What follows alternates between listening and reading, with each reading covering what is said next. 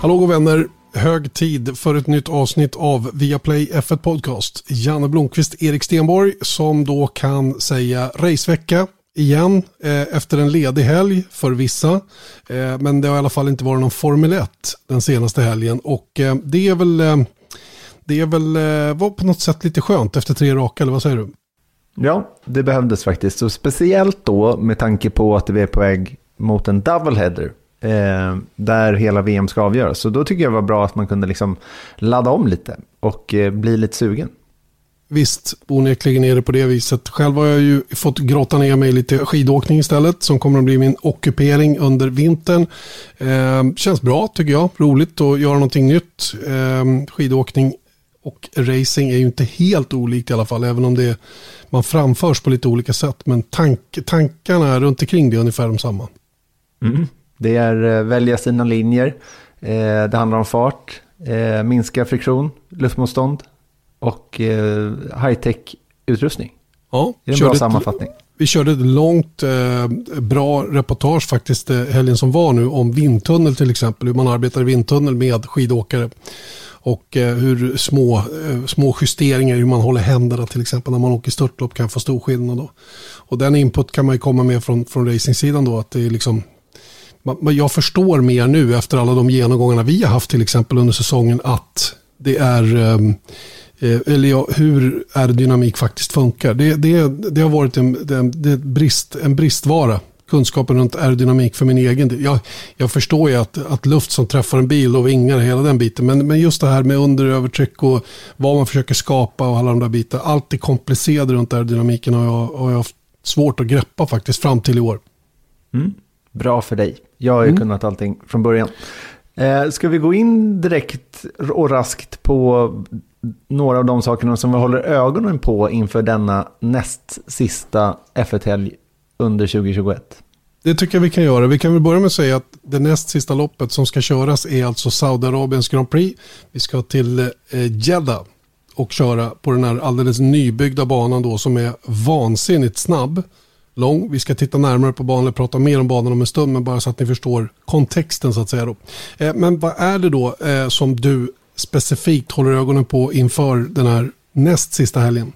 Ja, det är såklart då Förstappens första matchboll som man faktiskt har den här eh, eh, racehelgen i Saudi. Han har åtta poängs övertag eh, över Hamilton, men Hamilton har ju varit snabbt iväg Eh, snabbt på väg i kapp. Han hade ju en ledning på 19 poäng efter Mexikos Grand Prix. Och sen dess har det då sjunkit till 8. Och det känns ju med det då lite osannolikt att det, att det ska avgöras helgen. Jag hoppas ju inte att det ska avgöras helgen.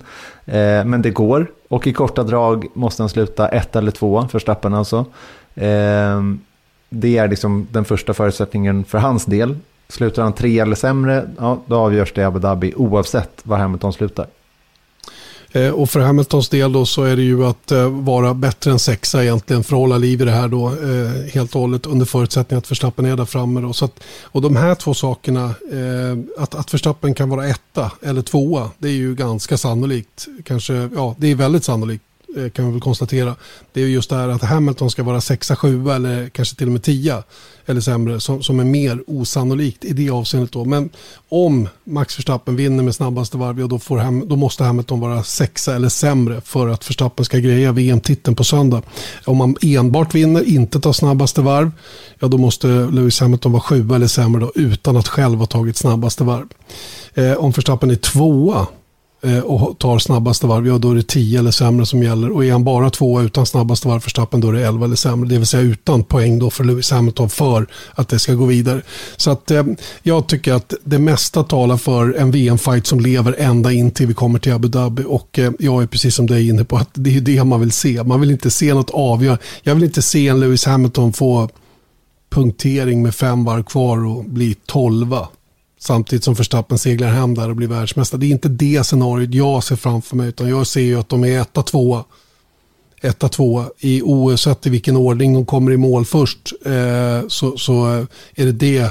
Det är det jag vill se nu i Jeddah. Och sen så vill jag se det totala avgörandet eh, en söndagen därpå. Ja, för det är ju nästan så här. Det är en, låt det gå så här tre, fyra år.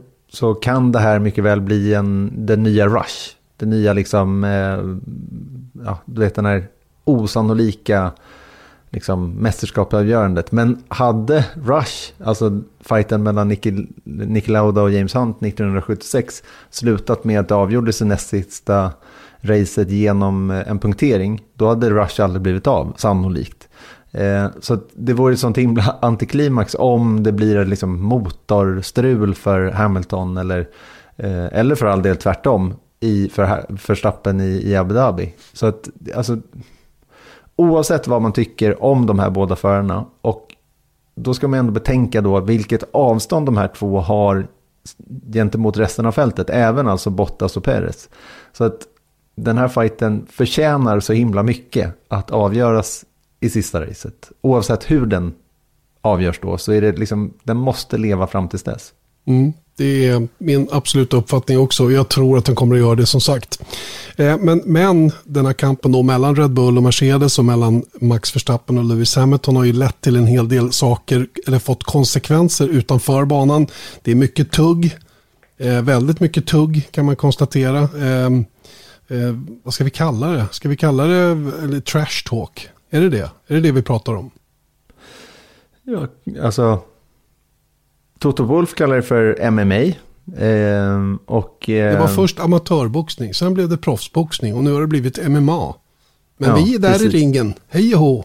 Exakt, och medan Horner kanske har varit lite mera eh, plump och sagt att det är bullshit allting. Eh, men det, det, är ju ändå på något sätt, jag menar vi har tagit upp den här diskussionen eller kampen off track tidigare. Och man kan tycka vad man vill om den, att det, det blir lite så här, för i slutändan så handlar det inte om det, utan det handlar om vad som händer på banan. Men det är klart att bygger man upp någonting storymässigt så är det här, det spär ju också på, vilket i slutändan är positivt tror jag.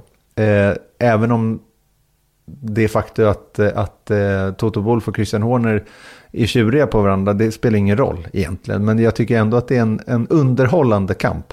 Ja, men ingår det inte också i, jag kommer tillbaka till det, jag tycker att många är bekymrade över att Horn eller Wolf håller på att springa till domaren eller klagar på varandras bilar. Det ingår i jobbet. Det här ingår väl också i jobbet. Att eh, eh, hålla fighting-andan vid liv i respektive team och representera teamet på ett, eh, på ett bra sätt utåt. Som att man är stark. Och, jag menar, det kan ju räcka med att en mekaniker blir lite modstulen eller blir nervös eller tycker att det är jobbigt för att han har tagit åt sig av alltihopa så kan ju det omkullkasta allting. Så att hela det här är ju ett spel, så är det ju. Och eh, det, det, är ju, eh, jag tycker inte man ska ta, man ska inte ta det så allvarligt och man ska inte ta det så personligt. Man ska, bara, man ska sätta sig på läktaren och njuta av underhållningen. Det är som att se en cool film. Det, det är så mm. man ska ta, ta, sig till, ta det till sig. Men vet du vad? Ska vi inte bjuda på ett exempel på det vi pratar om? Eh, ett exempel som är ganska, ganska fint i kanten, men eh, mellan raderna rätt elakt. Yeah, it's very different. I mean, the last time we were fighting Fernando and, and Ferrari, that you think would be the political team, but when Stefano was running it, it was far more gentlemanly. It was there was none of the stress and shit that we're getting, you know, off track uh, this year. So uh, it was more about what was going on on the circuit, and I think that uh, it's been very different this year. And of course, you know, it's I think the first time for Toto that he's actually been challenged. It's the first time, you know, he when he came into the team, Nicky and Ross had had created it. They'd signed Lewis, Andy Cowell had come up with a great engine. Um, and they've done a wonderful job in, in just serial winning the last seven years. And now is the first time that we're challenging him. And um, you know, you can see him reacting uh, to that to that pressure. Um, you know, we saw it even in in, in Brazil, and uh, you know, the more wound up he gets, the more the more fun it becomes. And we haven't really seen you get wound up at all. No, I think look, I, I, was a bit wound up at Silverstone because I got a driver in hospital and a car that was written off and an engine that was lost. But I think that that um, I don't think you'd ever find me pointing at a camera or dropping a few f bombs, um, you know, to our drivers on the circuit. So we're different individuals, we're different people, but um, you know the competition is intense, and uh, uh, you know, as I say, it's been a very different World Championship this year to ones that we've fought in previously. Ja, Christian Horner, han, um, han, han har sitt sätt att uttrycka sig som eh, lite aristokratiskt sådär. Och du vet, lite bo på landet i fint hus och gott om pengar och liksom så. Och så försöker han spela ner sin egen roll i det här. Och, och, men, men om man lyssnar på vad han säger så är han ju rätt elak faktiskt. Mm. Jag, ska, jag ska säga det, att det där är ett utdrag från det reportage som vi kommer sända på söndag med eh, Christian Horner. Och det, jag tycker att det är så kul när jag satt och klippte ut det här eh, och kände bara så här, men vad är det han säger egentligen? Han, han egentligen så framställer han sig som så himla, han är liksom den, den eh vad heter det, sane. Att han är den som har liksom det är han som har förnuftet kvar. Ja, som, exakt. Ja. Medan Wolf är, verkar, framställs som mer eller mindre galen. Och han, i praktiken säger han ju faktiskt att ja, men det Toto Wolf har åstadkommit, visst, han har varit duktig på, eller Mercedes har varit duktig på att vinna en massa. Men jag menar Toto Wolf, han har ingen del i det där. Egentligen så, han kom ju till dukat bord. Det var Ross Braun och Nicky Lauda som hade liksom signat Hamilton och Andy Cowell som gjorde den här fina motorn. Och det var bara därför han vann. Så att egentligen så har han liksom inte gjort så mycket utan han har bara suttit där och vunnit. Och eh, det är därför han är helt knäpp nu, Toto Wolf. det är roligt ju. Jag tycker ja. det är stelfränt. Eh, eh, och det är, det är verkligen en subtil sågning av sin kollega han håller på med. Det just det här lilla klippet. Och det är, det är helt fascinerande. Jag tycker det är så fränt. Sen, eh, jag menar, är man en Die Hard Mercedes-fan så kanske man blir lite personligt kränkt av att någon ger sig är på man Toto ens... Wolf så kanske man, ja, men... man, känner sig lite agiterad faktiskt. Nej, men det tror inte jag. Det är ju det som är grejen här. Och det, det är ju det vi på sidan om ska fatta. Toto Wolf tar inte åt sig av det här. Han fattar ju att spelet är på det här viset. Han har ju själv släppt ett antal gurkor eller bomber åt Red Bulls håll. Fast de har lite olika spelstil. Om vi ska, om vi ska liksom lägga upp det. De jobbar ju på lite olika sätt. Ja, men egentligen så är ju Christian Norder mer oskön i det här då. För att han, återigen, han framställer sig som en, en liksom hyvens kille och han bara är med där. Vadå, vi har varit med om det här tidigare med Ferrari, det var ingen fara liksom. Men nu är Toto Wolf knäpp liksom. Så det är ju tråkigt att det blir så här. Jag menar, det är ju liksom... Men jag tycker ju det, alltså återigen, det, det, gör något med stämningen inför de här två sista racen. Men du, finns det någon sanning i det som Christian Horner säger då? Att Wolf liksom ärvt sin framgång snarare än att skapa den själv?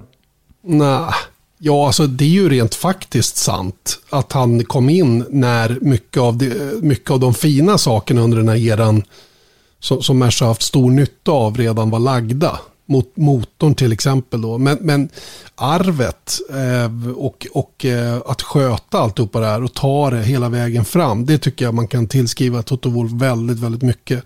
Det, det, det, det, det, det är rent av felaktigt att spela ner hans roll i Mercedes framgångar. Den har varit oerhört avgörande och stor, tycker jag i alla fall. Eh, sett till hans ledarskap som jag tycker är starkt. Jag tror att han är väldigt omhuldande om de egna personerna. Och jag menar, visst, de har väl kanske varit lite sådär... Äh, de har, om, vi tar, om vi tänker oss att vi börjar uppe då med förarna så har han ju varit, han är ju vurmar ju väldigt för Lewis Hamilton men han har också tagit hand om, om Valtteri Bottas. Valtteri Bottas som inte var en förare av den kalibern att han skulle köra världens snabbaste Formel 1-bil innan han kom dit.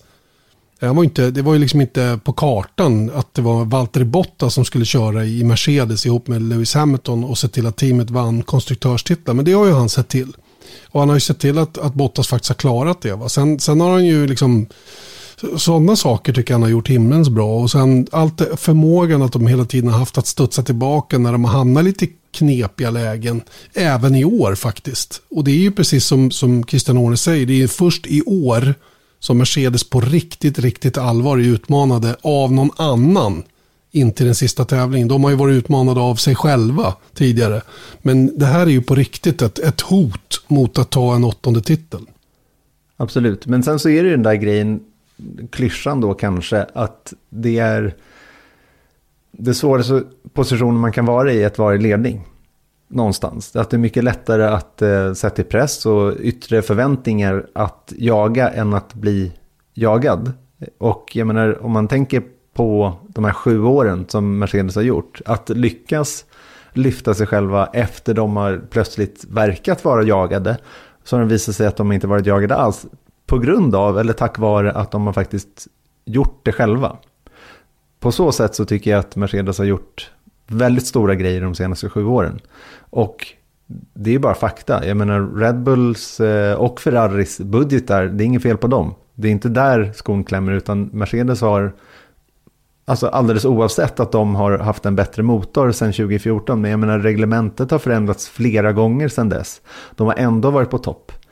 Ohotade faktiskt. Och det kan man aldrig ta ifrån en sån som Toto Wolf. Nej, och titta på de två senaste månaderna. Hur, hur, eh, hur scenförändringen har varit tydlig. Eh, och, eh, det, och det, det, här är ju verkligen upp till bevis på Red Bulls sida nu. Kan ni, kan ni vända det här tillbaka nu med två race kvar? Mercedes kunde det. För två race sen så var det Red Bull som hade två raka vinster och såg more or less säkra ut. Nu, är det, nu känns, jag pratade med någon idag bara som kommer till mig och säger, ah, men, det luktar lite Hamilton ändå, säger han.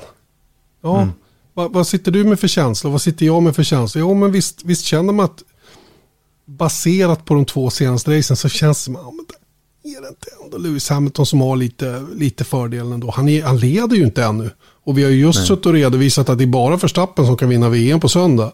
Men ändå så får man en, en, en, en känsla av att Lewis Hamilton sitter i förarsätet.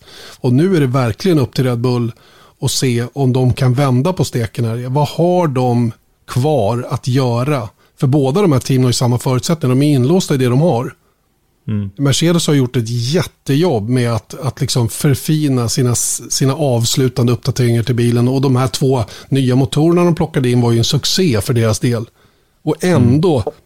blev man alltså diskade ur sprinten, ur kvalet till sprinten, fick starta längst bak. Men ändå lyckades man ju, och det betyder att de hade ju räknat rätt när de, när de tog en ny motor i Brasilien med de fem platserna som det innebar de, de visste ju att det, det, är helt rätt att göra det på det sättet. Det, det, betyder liksom inte att vi är förlorade på något sätt. Men frågan är, har Red Bull något motsvarande att komma med här? Och vad skulle det vara? Jag är tveksam till det ärligt talat. Jag tycker att de har, de har fått eh, Ja, de har ju själva sagt det, att det har ju varit damage limitation här på slutet, verkligen. va. Och eh, är det damage limitation som gäller de två avslutande helgerna också, ja då är de, då är de förlorare nästa söndag. Inte nu på söndag, men nästa söndag. Helt klart. Alltså det, det, det duger. De måste ta tillbaka kommandot på ett eller annat sätt. Fan vet hur, men de måste det. I något av de här två racen som återstår så måste Red Bull vinna. Så som jag ser det. Ja men det måste de ju, annars mm. tar ju tiden slut. För att det är sannolikt eller Hamilton som kommer göra det. Jag menar, men då vill jag bara påminna om att hur säker jag var efter Mexiko på att nu är det över för Hamilton. Vad synd liksom. När, när man såg, eh, följde racet i Mexiko så kändes det så här längs vägens gång att jag bara, nej, ja, det här som skulle bli så bra blev istället avgjort typ i Qatar. Men kolla hur det svängde och jag var inte beredd på den svängningen trots alla det här med motorer och allt vad det var. Så jag menar, med tanke på att de gjorde det på det sättet så who knows vad de har i bakfickan. Nej, nej men, men, men din vi frågar din mage nu då, den berömda magen. Känner du i magen att Red Bull har någonting att plocka fram baserat på vad du har sett de två senaste helgerna? Titta också lite grann framåt på de två banorna vi har framför oss. Vad mm. är det som talar för Red Bull? Nej, och då återkommer jag till det som jag kände i Mexiko. Att chocken när Mercedes vände det där, eller började vända det där, var ju att det kom helt oväntat för mig. Så, och jag menar, hela den här svängningen, jag menar, tänker på race 1 till 4 i år, då var Hamilton dominant. Trots att eh, Verstappen lyckades vinna något race där. Eh, men ändå så höll Hamilton ledningen de första fyra racen och sen så vände allting vid race 5 och sen så höll Verstappen i det och sen så började vända det igen. Jag menar, visst, nu är det kort om tid kvar och man vet liksom att nu uppdaterar de inte på det sättet som, som de kanske gjorde vid den tiden.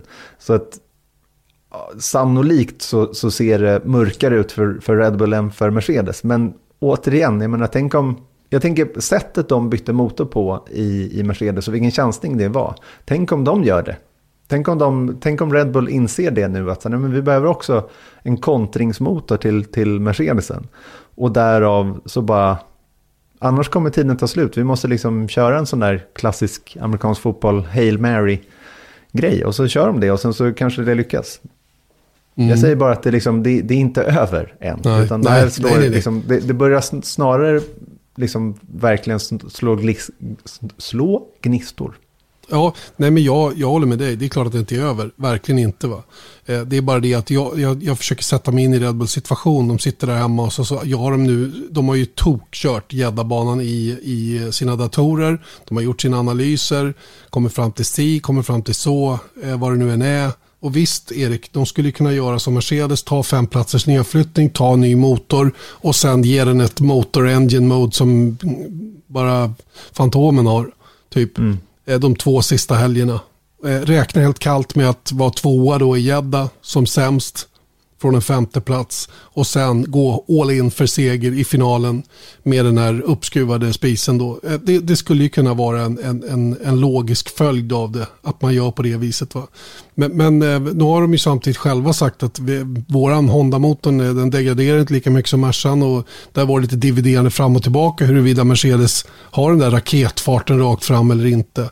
Den, den motorn som de planerar, planerar att köra nu i Jeddah den är, har ju bara gått en tävling. Men, men hur mycket kan vi tillskriva motorn då? Av den här straight line speeden till att börja med. Det vet vi ju ingenting om. Vi kan, inte, vi kan inte riktigt, eh, vare sig du eller jag eh, kan ju liksom komma fram till om en motorn är si, eh, bilen är så. Så. Det, det, det är sjukt och det, och det är ju egentligen det här som är lite roligt nu inför finalen också. Att det är så ovisst som det är. Det finns liksom ingenting att ta på utan nu är det bara så här, nu är det, nu är det bara så här eh, konstiga känslor som man har. Nu, nu bygger man det man känner och tycker på någon form av eh, någon form av tillbakablick eh, snarare än på rena fakta. eh, och det är där jag landar i resonemanget att Red, jag har inte riktigt något som talar för Red Bull. Men det finns en del saker som talar för Mercedes i min bok. Mercedes eh, höga toppfart, en bana med extremt långa raksteg. Alltså, det är sådana där små grejer. Va? Samtidigt, vem var det som ledde i Baku? En bana som inte är helt olik den här. Mm. det- Jo, det var Verstappen med ganska god marginal och, och, och eh, var en däckexplosion från att ta hem det där racet enkelt. Så, så att jag menar, det, det kanske ser så ut på söndag istället. Jag har fått ett citat i huvudet och det är just den här grejen att it's better to be the hunter than the hunted. Och då fick jag ytterligare ett citat i huvudet från gamla hockeyspelaren Brian Trottier. När han spelade i, i New York Islanders så säger han it's better to be the cruncher than the crunchy. Och det tycker jag var, det är ett sånt där citat som har hängt med hela mitt liv. Och nu tänker jag att för Red Bulls del så är det bättre att de bara crunchar den här grejen och kör allt på ett kort. För att om de räknar, de, de kan ju inte sitta där och räkna på att, att eh, Hamilton ska bryta. För det är typ det som, som krävs om formen håller i sig så som de har gjort. Och då måste de göra någonting helt galet. Och jag, jag är lite benägen att tro, enligt min mage, att de kommer göra det. Ja, varför inte? Det, det, jag är lite så här, jag är tvådelad runt det där att jaga eller jagas. Eh, jag, jag hävdar ju att det måste ju alltid vara bättre att ha flest poäng. Ligga längst fram. Vara den som någon måste slå. Det, det är någon annan som är tvungen att göra någonting. Visst, det är en drivkraft också. Men, men eh, det, det måste vara bättre att vara längst fram ändå på något sätt. För att eh, då, då, eh, då, så länge man bara gör sin grej och är duktig på det och, och lyckas maximera det man har, ja då får de andra slita lika mycket. De måste göra det lika bra och helst lite bättre för att ta in det där som man leder. Så därför så, jag, jag, jag, jag förstår ju pedagogiken i att det är bättre, och, eller det, det är mentalt kanske lättare att jaga. Till en viss gräns är det det i alla fall. Tills, tills det blir frustrerande. Och det är farligt att hamna i det läget också. Mm. Men du, vi får se egentligen på söndag först hur det ligger till. För att jag tror att eh, därefter så kommer det vara, vara liksom, då, ju längre tiden går desto lättare är det att, att sia om framtiden. Eh, Ja, ja, verkligen, allra enklast med facit. Ja, så är det ju faktiskt. Men du, då vi har andra avgörande på gång som vi också håller ögon på i helgen. Och det är nämligen så att det är en fight om tredjeplatsen i VM. Eh, som faktiskt har varit väldigt underhållande under säsongen mellan Ferrari och McLaren. Eh, nu, de senaste racen har Ferrari som bekant eh, sprungit iväg en hel del. De behöver alltså ta fem poäng mer än McLaren den här helgen för att säkra tredjeplatsen i VM. Och det finns ju ganska god sannolikhet att de gör det sett till de senaste racen. Mm, verkligen. Eh, Ferrari formstarka. Den nya motorn de tog i bruk. Den har ju eh, levererat så här långt. Och eh, samtidigt får man väl säga att eh, McLaren, och det är det här som är så fascinerande, även då när vi pratar om de två toppteamen, hur, hur det kan svänga trots att man egentligen inte gör någonting. I, eh, så, va? förstår du? Mm, mm. Jag tror inte att McLaren har gjort något för att bli sämre. Och de har nog sannolikt inte blivit så himla mycket sämre heller. Utan det är andra som har blivit bättre. I synnerhet Ferrari. Men även andra team runt omkring. Och några små detaljer som funkade väldigt väl i början på säsongen funkar inte lika enkelt för dem nu. Eh, och det gäller ju faktiskt båda förarna nu, Lando Norris och Daniel Ricciardo. Så att, eh, jag tror att eh, McLaren kommer att få sikta in sig på fjärdeplatsen i årets mästerskap. Jag, jag, är rädd för att det där redan är avgjort till Ferraris fördel. Ehm, det var ju lite körigt för, ehm, för Charles Leclerc senast, sprucket chassi. Eh, och ehm, fick ett nytt chassi. Jag vet inte om vi såg någon dramatisk nytt chassieffekt men eh, det kändes väl bättre i alla fall att göra det där. Och framförallt hade ju Ferrari hittat en spricka i chassit.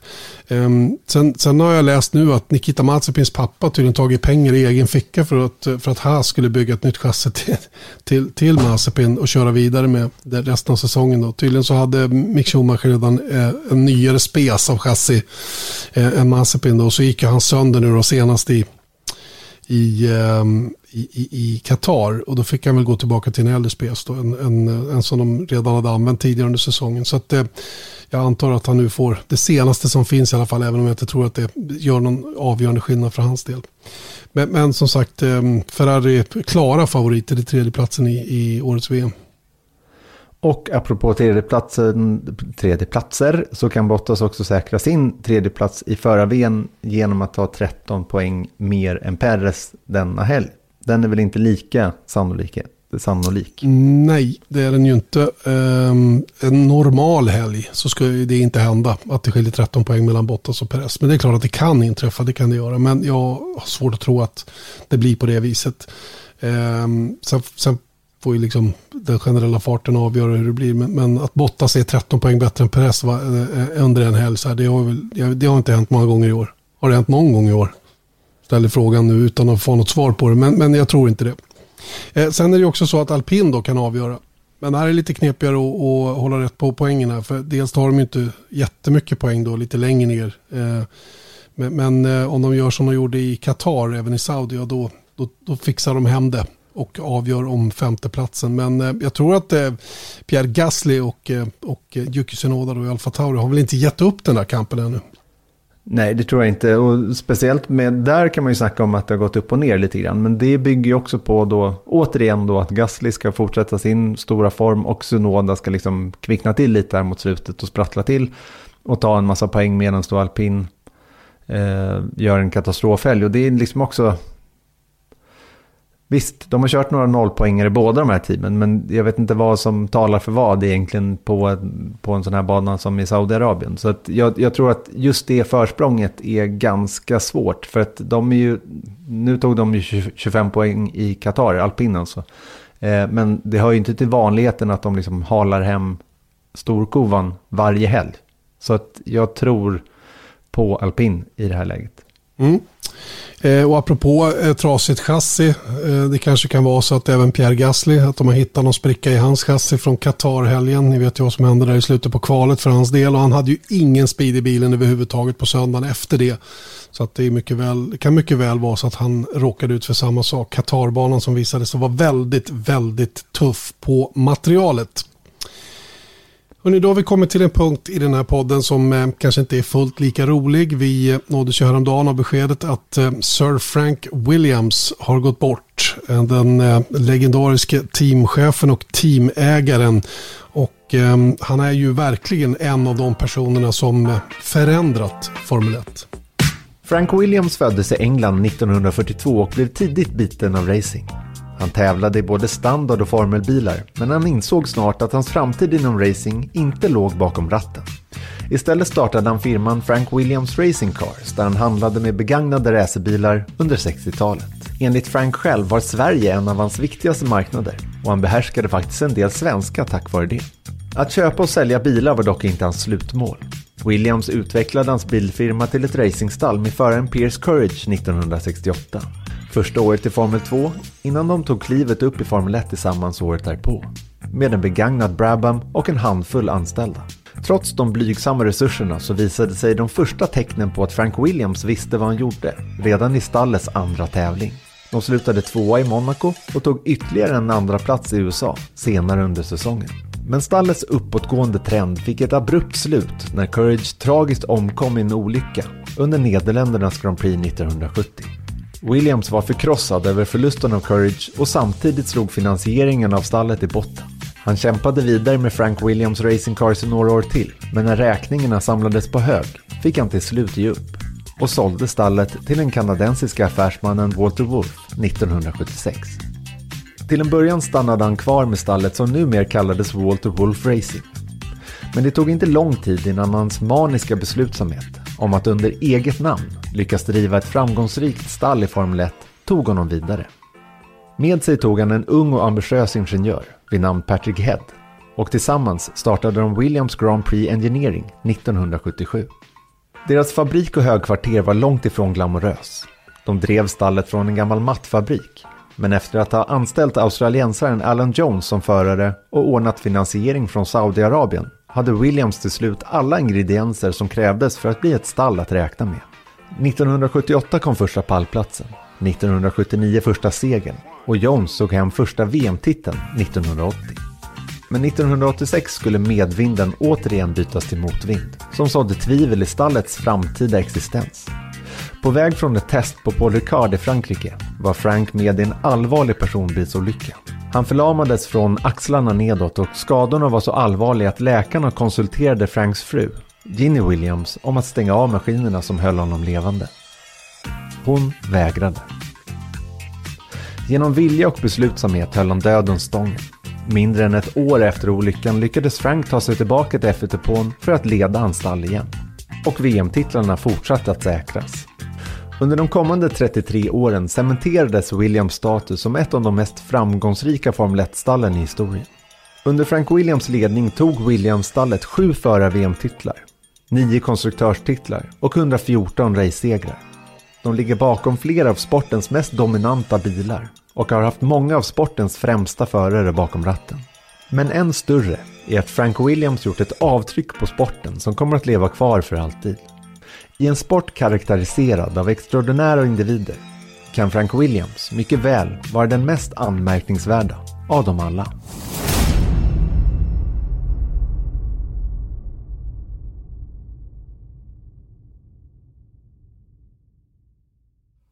Ni lyssnar till Viaplay F1 Podcast. Janne Blomqvist, Erik Stenborg eh, inför Saudiarabiens Grand Prix. Men alldeles innan här så hörde ni ju eh, Eh, lite grann om Frank Williams. Sir Frank Williams. Han var ju faktiskt adlad innan han gick bort. Eh, Frank Williams som alltså under lång, lång tid eh, basade för Williams F1. Eh, men eh, med sviktande hälsa eh, fick han till slut eh, ge upp och eh, han gick tyvärr bort häromdagen då, 79 år gammal. Ehm, och eh, Erik, du gick ju igenom de, de viktiga grejerna genom karriären där. Det, en, det var en väldigt dedikerad man. Det kan man verkligen säga. Jag tänkte på, jag antar att du har sett den och jag har sett den här filmen, Williams, eh, dokumentären om, om Williams-familjen och framförallt då Frank och eh, Claire som uttalar sig i den eh, filmen då. Och jag, jag, vissa grejer som har berättats i den har liksom fastnat i mig. Att det var, eh, Claire Williams berättar liksom om att de åkte på en årlig familjen Williams då åkte på en årlig semester till Marbella varje år och eh, jag tror att de åkte, hon hade räknat efter om att de hade åkt 32 gånger eh, 32 år i rad då till Marbella på en familjesemester. Frank Williams var aldrig någonsin med på de där semestrarna, vilket säger en del om hans dedikation. Och en, en ytterligare sak som kanske är lite mer hårresande, om man tänker på oss som, som, eh, som goda män till våra fina fruar. Så var det så här på hans bröllopsdag då så, så berättas det om då att han, han eh, går och gifter sig i kyrkan med eh, Ginny Williams som jag nämnde där i, i runan. Eh, han sträcker sig så långt så att han, han är faktiskt med på, på lunchen därefter eh, med familj och vänner. Eh, men mot slutet av lunchen så, så ställer han sig upp och tackar för sig och går till jobbet istället. På hans bröllopsdag alltså. Och det är inte Mm. att de firar bröllopsdag utan de har faktiskt gift sig samma dag och då går han till jobbet och, och jobbar lite. Nej, det är som sagt säger en del om hans arbetsetik. Men det säger också en del om, om honom som person tror jag i övrigt med. Jag tror att han var ganska hänsynslös många gånger eh, mot sin omgivning. Inte elak på det sättet som man kanske skulle kunna tycka att det låter som när jag, när jag uttrycker mig på det viset. Men det blir ju på något sätt väldigt, det, det får stor effekt på omgivningen om man aldrig bryr sig om någonting annat än det man själv gör och, och håller på med. Och eh, det är ju lite fascinerande att han, att han till att börja med skaffade en familj. Mm. Eller hur? Med, sett till eh, var, var hans lojalitet egentligen fanns någonstans. Och det var ju i, i det här racingteamet som han då bildade någon gång på 60-talet. Och, ja, nej, ja, ja men, men det är intressant. Jag har verkligen ingen, ingen stark relation till, till, ehm, till Frank Williams. Jag träffade honom i, i Valencia 2011. Gjorde en längre intervju med honom där. Och eh, slogs av hur artig och vältalig han var. Hur, hur behaglig han var som person att möta. Så, så tillvida en väldigt klok, eh, eh, liksom, han visste hur man, hur man uppförde sig om man säger så då. Vilket är rätt motsägelsefullt då när man hör allt det andra då om hur han jobbade och med vilken dedikation han hade, dedikering till, till sitt jobb. Men, men eh, han var ju väldigt, eh, väldigt eh, ja, speciell person. Och framförallt var ju han ett ansikte som man lärde sig känna igen. För det här var ju under de åren när jag verkligen fastnade i Formel 1 också, när, han var, när jag uppfattade att de var som allra bäst då, eh, någon gång där eh, Williams-Renault-samarbetet där det tog fart på riktigt och 93, 94, 95, 96, 97 och fighterna med Benetton och hela det. Det är en stor period för min del personligen. Det kanske finns andra som har andra. Men, men det, var, det är ett, ett starkt avtryck som jag har från, från honom då. Hur han i, i sin rullstol där han hamnade 1986. Då han höll ju på att stryka med efter den här trafikolyckan. Så, så eh, kämpade han på ändå. Och eh, det måste ha känts när han fick kliva av 2012 och lämna över den, den teamchefsrollen. Eller tillförordnad teamchef blev ju då Claire Williams fram till dess att de såldes häromåret. Mm. Absolut. Jag, jag minns faktiskt den intervjun som du gjorde där i Valencia med, med Frank Williams. Att det, det, ett, eh, det kom inte mer än färdigklippta versionen, men då kommer jag ihåg att när, han liksom, när det gick upp för honom att ni är från, från Sverige så sa han någonting om tjejer på, på eh, svenska. Och att det blev lite garv runt det. Och då, vid den tiden, så var ju eh, Claire Williams faktiskt presschef på Williams. Så hon står ju precis bredvid eh, när den här intervjun sker. Och hon, han liksom eh, med ett garv liksom tittar upp mot henne och eh, säger Oh, don't worry, it was, it was long ago, in the 60s, in the 60s. Kommer jag ihåg att han, att han säger. Så att det var eh, ganska roligt. Och jag, jag träffade honom en gång ordentligt, liksom såg och pratade med honom i varje fall 5-10 minuter när vi eh, spelade in den här Ninas Formel 1. Det är faktiskt en, ett tips också som ni kan, om ni har via Play så kan ni gå in där och söka på Ninas Formel 1 när hon möter Claire Williams. Så hon ger också en bild av, av sin pappa Frank då. Men då står han utanför, han, han stod faktiskt, eh, han hade ju en sån rullstol så han kunde liksom ja, vad kallar man det, eh, spännas upp liksom så att han stod med, med fötterna neråt. Ehm, och då gick jag fram och hälsade och, och ehm, vi chitchattade lite och han pratade väldigt gott om sin dotter. Och sen så frågade han efter en stund, ehm, var kommer ni ifrån? Och då sa jag från Sverige och då ehm, räknade han till 20 på svenska, eh, klockrent alltså. Ehm, och sen så tackade vi och det tyckte jag var kul och så gick vi in och gjorde den där intervjun med Claire eh, i Grove då i, i England. Och sen så när vi kommer ut så står han fortfarande där och då eh, säger jag så här, men allting gick bra. Eh, han bara, oh, I'm glad, I'm glad. Eh, var kommer ni ifrån? Och då sa jag från Sverige, ja ah, okej, okay. då så räknade han till 20 igen. så att han var ju eh, lite skruttig eh, i huvudet, men han var ändå liksom så pass jag menar inte det som, som att, att späka honom på något sätt, utan, utan snarare att han, han var så pass klar så att han hade liksom, man märkte ingenting av det när, han prat, när man pratade med honom. Men eh, uppenbarligen så gjorde det inte tillräckligt stort intryck när, på vägen in heller. Nej, fantastisk man, fantastiskt framgångsrik i Formel 1. Han och Patrick Head var ju de bärande figurerna i Williams-teamet. Och, och jag menar, siffrorna talar sitt eget språk. Då. Det blev sju stycken förartitlar. Vad blev det? Åtta eller nio konstruktörs-VM-titlar. Det är ju helt otroligt egentligen. Då. Och, um, jag måste säga att jag, jag tycker att den här perioden när privatteam eh, kunde vara framgångsrika på det här viset som, som även McLaren blev så småningom. Eh, Benetton var delvis under en period också. Eh, det, det tilltalar mig mer. Jag, jag, gillar det mer än rena fabriksteam om jag ska vara riktigt ärlig. Sen, sen förstår jag att vare sig Williams eller McLaren eller någon annan hade kunnat vara framgångsrik utan ett starkt fabriksstöd och framförallt när det gäller motorer. Eh, men så, jag skulle gärna se att det var så igen faktiskt, att man hade renodlade racerteam som, som på olika sätt kanske var lierade med motortillverkare. Men att det blev lite mera så här tillbaka till the good old days på det viset i vilket fall. Mm. Vem vet, vi kanske är på väg dit. Jag vill ehm, eh, med den här budgetbegränsningen då. Men jag vill också, jag pratade med Charlie Häggstam av en händelse i, i förmiddags. Han var ju eh, som bekant då mekaniker för bland annat Kate Ramstallet i Formel 1. Och ehm, då pratade vi om, att, om Frank Williams lite grann och då så nämnde han att han hade fått ett brev från Frank Williams och då så berättade han storyn bakom och det var 2012 efter Spaniens Grand Prix när faktiskt Pastor Maldonado vann eh, racet den helgen för, för Williams. Då. Och det vad jag tror så var det nog den senaste segern de tog. Så är det. Så måste det ha varit. Ja. Och, men konstigt nog då så, så utbröt en brand i garageområdet hos Williams efter racet.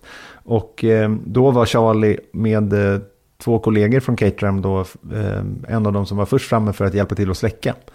Och eh, några veckor senare då så damp det ner ett, ett personligt brev till Charlie i, eh, i brevlådan. Där, och jag fick eh, en bild på, på brevet så jag tänkte läsa upp eh, vad han skrev. För jag tycker att det, det säger någonting om ändå gentlemannamässigt eh, vem Frank Williams var. Och då står det så här, Dear Charles, I know that you were one of the first people to help my team when the fire broke out in the garage shortly after the Spanish Grand Prix. The whole event happened so quickly that it was only your and several others' fast reactions which saved serious incident uh, saved a serious incident from becoming a major disaster, which would have resulted in the serious injury of personnel and those in the paddock area at the time. I also know that you required treatment after uh, either at the medical center or hospital uh, for smoke inhalation and a thumb injury and hope that you are either fully recovered or on the road to full recovery. I wish to thank each of you most sincerely for your bravery and sacrifice in rushing forward, regardless of your own safety, to help our colleagues at um, to help your colleagues colleagues at Williams. With my very best wishes, Frank Williams. Och sen så är det undertecknat då. Jag tycker det var en det är en sån här old school-grej att göra. Vem skickar brev nu för tiden? Men det gjorde han. Och eh, mm. signerade själv. Och eh, jag tycker det, det är fint. Mycket fint skulle jag vilja säga. Att, att, eh, att ge någon ett erkännande på det viset. Då, eller tacka helt enkelt för hjälpen. Jag menar, det hade han ju kunnat strunta i alla dagar i veckan. Va? Men han valde att, göra det och dessutom på det här viset. Då. Superfint gjort, verkligen. Eh, hade inte Rickard Rudell någon story också om att han och Picko Troberg hade lite relationship en gång i tiden? Eh, Rickard som jobbade mycket med Picko då på den tiden. Och, och eh, de, eh, ja, Frank Williams hade väl bott hemma hos Picko tror jag. Eller i trailern på racerbanor sådär på 60-talet. Och de hade en massa gamla minnen som de skrattade åt. Och ja, hade ja, träffat, träffat Frank någon gång på 90-talet. Absolut, absolut. Och jag tror att det där var apropå det han nämnde då. När, när jag träffade honom i, i England så, så nämnde han ju det att eh, eh, Sverige var en av hans stora marknader. Det var därför han kunde räkna på svenska eh, bland annat då. Eh, och då hade han tydligen, när han då sålde sina eh, begagnade racerbilar och reservdelar så var Sverige en stor marknad och då, då hade han kontakt med Pico Thorberg då. Eh, kanske till viss del med hjälp av Pico Thorberg var Frank Williams eh, var Sverige ett, ett stort eh, intresseområde för, för, eh, för Frank då. Och då skulle han tydligen bott ofta på Pico Thorbergs soffa när han besökte Stockholm. Eh, och där var ju där ehm, eh Rickard körde BTCC då, som den här anekdoten skedde. Just det, där Frank Williams också var inblandad faktiskt i eh, Renault-bilarna. Just det, så var mm, det. Just det. Det är för och, övrigt en dröm alltså att, att äga en... en eh, Supertourenbil? Eh, Nej, jo, absolut. Men kanske lite på min nivå så gjorde ju Renault Clio gjorde en Williams Edition. En, en blå med en sån här luftskopa på, på, på motorhuven och guldfälgar. Och så står det så här Williams, Renault, eh, Clio. Och så är det någon nummer, liksom, de är numrerade på insidan. De är ganska dyra och jag tror inte att det finns så många kvar i, i gott skick. Så att, Nej, det förstår men, jag däremot. Men, men, när jag tjänar bra pengar så ska jag köpa en sån. ja, gör det. Du brukar ha väldigt stor lycka med dina bilköp så att jag önskar dig lycka till med Speciellt franska bilar brukar jag Exakt vad jag tänkte också. Men eh, ja. Ja, vi går inte in på det. Det kan vi ta en annan Nej. gång. Det, det, ska du få skriva om i din bok som kommer så småningom. Mm, exakt. Eh, Eh, Okej, okay, bra. Då har vi pratat Frank Williams. Eh, jag tycker det var värdigt att prata så här mycket om Frank Williams. Det var en, eh, han, han, han var verkligen en, en, eh, en gestalt. En, en eh, legendar inom Formel 1-sporten och han har bidragit med väldigt, väldigt mycket. Platsade oerhört bra i det segmentet just idag. Eh, vila i frid, säger vi från poddredaktionen. Eh, då byter vi spår lite grann och eh, landar i det nya racet för helgen. Eh, vi ska alltså till Saudiarabien. Eh, vi ska återigen till en helt ny bana och det här visar sig inte vara något större problem för teamen när de kom till Qatar. Det löste de ju väldigt enkelt. Och tyvärr är det väl så att deras simuleringsverktyg är så pass starka och bra och det är, ju, ehm, det är ju det som gör att de kan klara av en sån här grej med bara två två, tre timmar, två, eller ja, två, en, tre en timmars pass träning. Eh, och, och, där två av dem kördes dagtid och race och kval och, eh, senare på kvällen. Så att de hade ganska lite tid rent generellt att förbereda sig på. Eh, det kan man ju beklaga sig över, men så är det i alla fall. Så att jag tror inte det kommer att bli något större problem att komma till gädda heller. Problemet med gäddabanan är väl att asfalten lades dit bara för någon vecka sedan. Och eh, vi vet ju sedan tidigare eh, tillfällen när saker och ting har blivit väldigt sent klart att det kan få stora konsekvenser för greppnivån. Att det av den anledningen kan göra den här tävlingen lite, lite speciellare än många andra. Ja, och inte minst för att banan är väldigt speciell också. Det är den snabbaste stadsbanan på kalendern, alltså i F1-historien faktiskt. Snitthastigheten beräknas till ungefär någonstans runt 250 km i timmen över varvet då. Vilket betyder att den är snabbare än Silverstone och faktiskt tvåa totalt sett bakom Monza. Och Monza är liksom, det är the temple of speed. Ehm, känd egentligen bara för att vara snabb. Och det här är en stadsbana då som det här ska ske på. Och eh, den är även tvåa sett till längd. Den är sjukt lång för att vara stadsbana, 6,1 km lång och har hela 27 kurvor. På ingenjörsspråk så kanske den har hälften så många kurvor. Tre. Eftersom, ja, precis. Två århållare och en chikan. exakt, för att, eh, för att um, F1-ingenjörer räknar inte kurvor som tas på full gas. Då är det inte en kurva, då är det en rak sträcka. Eh, så att, eh, och det är väldigt många fullgaskurvor här. Men ändå då 27 stycken på pappret. Eh, omkörningar, ja, två DRS-zoner och i teorin finns åtminstone, när jag bara tittar på kartan så tycker jag mig ur, ursköna tre bra ställen. I alla fall. Men, men titt, du tittar på kartan, vad tycker du om den? Vad, vad, liksom, vad, vad, vad, säger du? Vad tror du om det här? Den här avlånga eh, hårnålen som den ser ut som faktiskt. Alltså en sån här metallhårnål. Ja, ja, absolut. Men jag, jag, kan hoppas på att det blir lite som i Baku. För att i Baku hade jag inga stora förhoppningar heller. Jag, jag insåg inte vad den där enormt långa rakan skulle ge för racing. Men den gör ju faktiskt otroligt mycket för bra race i Baku. Så att jag hoppas lite på en liknande situation här. Att det blir liksom slipstream och då gäller det även kvalet. Att man behöver, när det går så fort så behöver man även tow och då måste man hålla på med lite furuspel och eh, hitan och ditan. Så att jag, jag hoppas på en, en, en sån typ av bana. Mm, det blir en fartfest i alla fall och det blir en slipstreamingfest och allt vad det nu innebär med tow och vi kommer att höra förarna säga I need a tow, vi måste, jag kan inte göra det här på egen hand och så vidare. Så att eh, det blir ju eh, det blir spännande i det avseendet att se hur man, hur man klarar av de där bitarna då. Dessutom så läste jag mig till att den har så kallade safety barriers ungefär på samma sätt som ovalerna har. Eh, för att ehm, det, det, är ju en, det måste ju vara någonting som man har funderat över. Är det rimligt att åka så här fort? På en bana som omges av murar.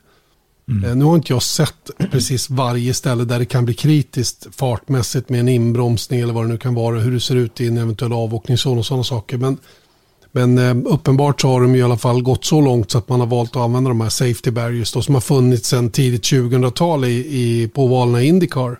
Och som är mm. oerhört effektiva då, att fånga upp bilarna och fjädra upp bilarna då när de kraschar i oerhört höga hastigheter. Men inte rakt emot utan snett emot. Och det är väl så man tänker sig att eventuella olyckor också kommer att inträffa på den här banan. Om det, olyckan nu är framme överhuvudtaget.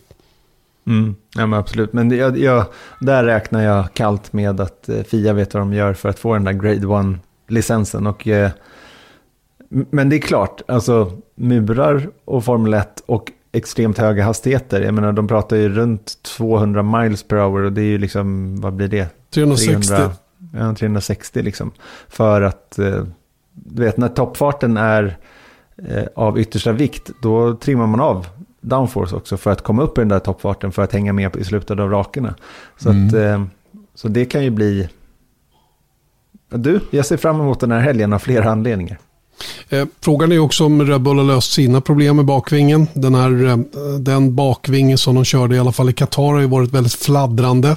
Jag tror inte alla deras bakvingar har det här problemet, men just den varianten i alla fall som, som var för rätt mycket downforce. Här kommer de väl att använda sig av lite mindre downforce och då är det möjligt att de har större möjlighet att ha kontroll på det här fladdret som Björn Färm heter han som hörde av sig till mig i sändning förra gången vi, vi, eh, alltså i, i sändningen om det här. Och det här är alltså ett flygplansfenomen också som man kan råka ut för där. där, där eh, det blir helt enkelt ett fladder som orsakas av att eh, angöringspunkterna på den här vingen då träffas på lite felaktigt sätt och så börjar vingen att röra på sig på det här viset som, som Red Bulls gör. Och det, det det handlar om på deras vinge är ju vid själva aktuatorn, alltså actuator heter det då, den, den som öppnar och stänger. Det var ju hur den sitter fast just där då i förhållande till ute vid vingspetsarna som, som eh, det inte riktigt eh, överensstämmer. Och då blir den väldigt fladdrande på det här viset. Och det gynnar ju inte prestandan. Och det är någonting som Red Bull måste ha ordning på när de kommer till den här banan. Där toppfart kommer att vara av yttersta vikt. Och sen blir det ju spännande då att se vad, vad som händer med, med, kommer det något nytt tekniskt direktiv från FIA angående det här med bakvingarna och eventuellt flexande och, och sådana saker. Hur, hur gör Mercedes? Har de, har de för säkerhets skull vidtagit åtgärder eller har de en annan bakvinge som klarar Eh, klarar eventuellt förstärkta tester och hela den biten och tvingas använda den då istället för den här som Red Bull misstänker har varit lite väl flexande. Ingen aning. Det, det återstår att se. Jag skulle vara lite orolig i alla fall att använda en sån vinge om man nu hade en sån vinge som hittills klarat besiktningen men som eventuellt då kommer att tittas lite noggrannare på till den här helgen i Gädda. Och Red Bull har även varnat att de eventuellt kommer att, att, att protestera mot den vingen som användes i Brasilien då, som uppenbarligen är av den typen som Red Bull menar är felaktig. Mm. Ja, men när det kommer direktivet då kommer de ju ta bort den. Då kommer de inte hålla på och tjafsa om det där och då. Eh, kan, man, kan man ju gissa i alla fall. Eh, men ja, det finns mycket att se fram emot. Visst gör det det. Och det vi eh, kanske inte ser fram emot lika mycket är ju eh, det faktum att eh, vi alltså kör då i en eh, eh på ett eh, lite omdiskuterat ställe i alla fall. Sett till själva landet. Saudiarabien har ju fått eh, mycket kritik. Qatar var ju där vi var senast. För har ju varit på, på, på löpsedlarna här på att säga om det finns några sådana nu för tiden. Men eh, angående fotbolls-VM då där det ställdes en hel del kritiska frågor till de fotbollsspelare som var på plats i Qatar och eh, marknadsförde fotbolls-VM i samband med Formel 1-loppet. Och eh, det är ju eh, det är inte helt okontroversiellt där. Eh, det har vi varit inne på hundra gånger tidigare och, och, vi kan inte lösa det problemet. Vi kan ju bara konstatera att det är på det här viset och vi kan också konstatera att det mesta handlar om pengar trots allt. Eh, när det gäller att, eh, att köra och vi kan också konstatera Erik att F1 gör ju bedömningen att det är värt att köra här trots att landet i fråga är väldigt omdiskuterat just för att slantarna som kommer tillbaka då är tillräckligt stora och detta Eh, och trots att detta blir rätt motsägelsefullt mot den här slogan som de har då, We Race As One. Mm. Precis så. Eh, jag var faktiskt i kontakt med eh, Dieter Enken om de här siffrorna tidigare och det här är liksom estimat. De, här siffrorna är ju inte offentliga men han, han har fått vad ska man säga, god grund att tro att det handlar om ungefär 50 miljoner US-dollar per år då för race hosting fee. Men det är inte allt. Eh, för att F1 har liksom ihop det med Saudiarabien på flera sätt. Och då totalt sett så, så räknar han med att det handlar någonstans runt 150 miljoner eh, amerikanska dollar eh, per år då. Vilket under ett normalt år innebär cirka 8% av Formel 1 totala omsättning. Och när jag sa att eh, Formel 1 har ihop det med, med Saudiarabien så är det såklart inte bara genom racet utan det är genom Aramco som är en huvudsponsor, ett, alltså det saudiska oljebolaget statligt. Eh, utöver det så är det ju den här race hosting feed, det som Saudiarabien betalar för att Formel 1 ska komma dit. Dessutom då, utöver det här då, så, så handlar det om en, en tv-deal som har skrivits, jag tror den skrevs förra året, med NBC, alltså Middle Eastern Broadcasting Corporation. Corporation ja. Eh, och den skulle då enligt uppgift då sträcka sig över fem år med en, en eh, sån här uh, trapp eh, fi då som i slutändan då handlar på, han, hamnar någonstans runt en miljard amerikanska dollar då. Dessutom då så har ju eh, vi vissa bilmärken med här i, i, i Formel 1 och det är klart att eh, Saudiarabien är en stor marknad i Mellanöstern för nya bilar. Så det, det är liksom mycket på spel.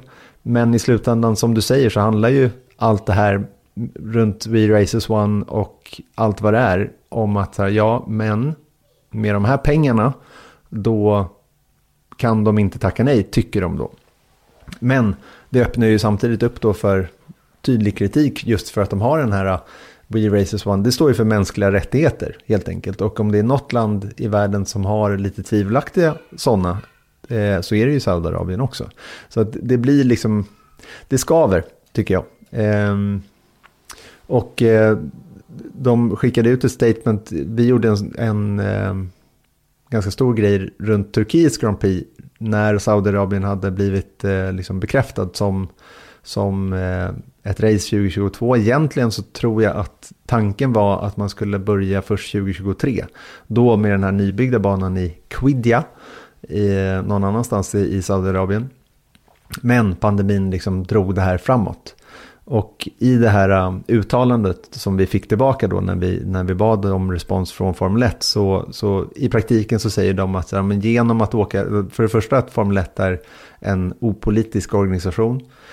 Eh, sen så blir ju sportpolitiskt när sporten besöker eh, ett land som det här. Eh, då, det blir ofrånkomligt. Men eh, med det sagt då så, så, hoppas de på att de ska liksom bring forward positive change i landet. Och eh, jag menar, Formel 1 har ju inte... Jag menar, det finns ju flera länder som är liksom tvivelaktiga sett till mänskliga rättigheter på, som Formel 1 besöker varje år. Eh, och man har ju aldrig sett att Formel 1 gör en markering mot det, en tydlig markering när man är där. Men det är väl upp till eh, oss som journalister att göra det. Markeringen eller bevaka eventet? Bevaka, utifrån, bevaka mm. eventet och även ta in då det som händer utanför banan i mm. landet. Ja, det blir ju något så att det är ju det man utsätter sig för som arrangör. Eh, den, den eh, genomgången av ens land. Och eh, jag såg ju eh, Olof Lund på Fotbollskanalen hade gjort en intervju med en ansvarig för fotbolls-VM i Qatar och hur den personen svarade på alla de här relativt kritiska frågorna, eller väldigt kritiska frågorna många gånger var. Och det är det här som är så fascinerande att de, de, de själva genom att göra det, om det, genom att göra det, det vill säga ordna ett race på det här viset och så, så utsätter man sig helt enkelt för för, för den här eh, typen av kritik och hela den biten. Och det, det är det här jag menar, det, det, på något sätt så, så borde det rimligen i alla fall eh, göra det svårare för ett land som Saudiarabien att göra det sämre för befolkningen. Men jag har ingen aning om det, utan det är bara en, en kvalificerad gissning. Eh, jag kan bara hålla med om allt annat som är sagt. Det är ett tvivelaktigt land att köra i, men där det har landat i en stor del, eller att det har landat i att det handlar till stor del om pengar. Eh, vi får nöja oss med det helt enkelt när det gäller just Saudiarabien. Vi kommer inte kunna förändra någonting på det i alla fall. Eh, banan tittade jag på nu faktiskt för jag såg en, en, en bra grafik på. Den är otroligt snabb. Det är ju väldigt mycket kurvor som du sa men den är otroligt snabb. Tre bromspunkter eller tre hårda inbromsningar. Det var väl de du ansåg var omkörningsställena på den. Ja, vi får se lite grann hur det kommer att bli. Jag tror att eh, balansen, ärobalansen kommer att vara svår att hitta till 100% och lyckas man med det då kan man vara väldigt, väldigt snabb på just den här banan. Får vi se om det är Merca eller Red Bull som, som lyckas allra bäst. Yes. Eh, har vi något kul på gång till helgens sändningar? Vi brukar alltid köra lite, lite sådär, en, en liten teaser. Vad, vad ska man bänka sig för på söndag? Ja, man ska ju bänka sig för mig. Jag är ju studiovärd, programledare. Jag är comeback i studion. Det är ju Precis. värt att sätta sig och kolla på. Precis, det måste man väl ändå säga. Nej, men vi har ju den här... eh, Susanne är jätteduktig, verkligen. Eh, hon men hon ska göra handboll. Så det är därför är jag får kliva in. Eh, vi har det där reportaget med Christian Horner. Eh, vi ska prata om mental träning och mental styrka i Formel 1 med hjälp av eh, en herre som heter Martin Blom som faktiskt eh, Björn Wirdheim använde sig av under hans aktiva karriär. Och någonting som faktiskt Björn Wirdheim brinner för väldigt starkt också. Vi satte ju honom i en situation där han fick träna nacken eh, tillsammans med Alex Elg i, en, i ett reportage nyligen.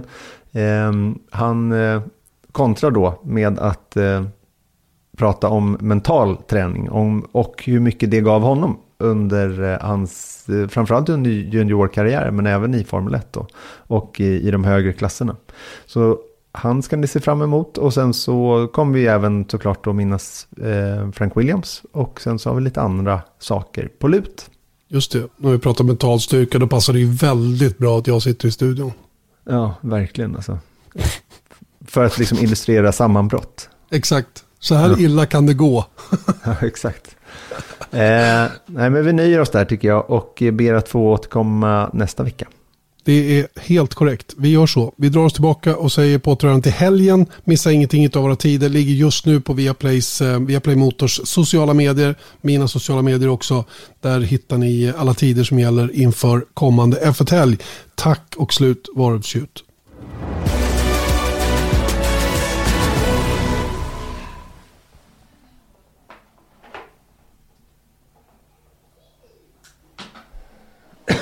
Liksom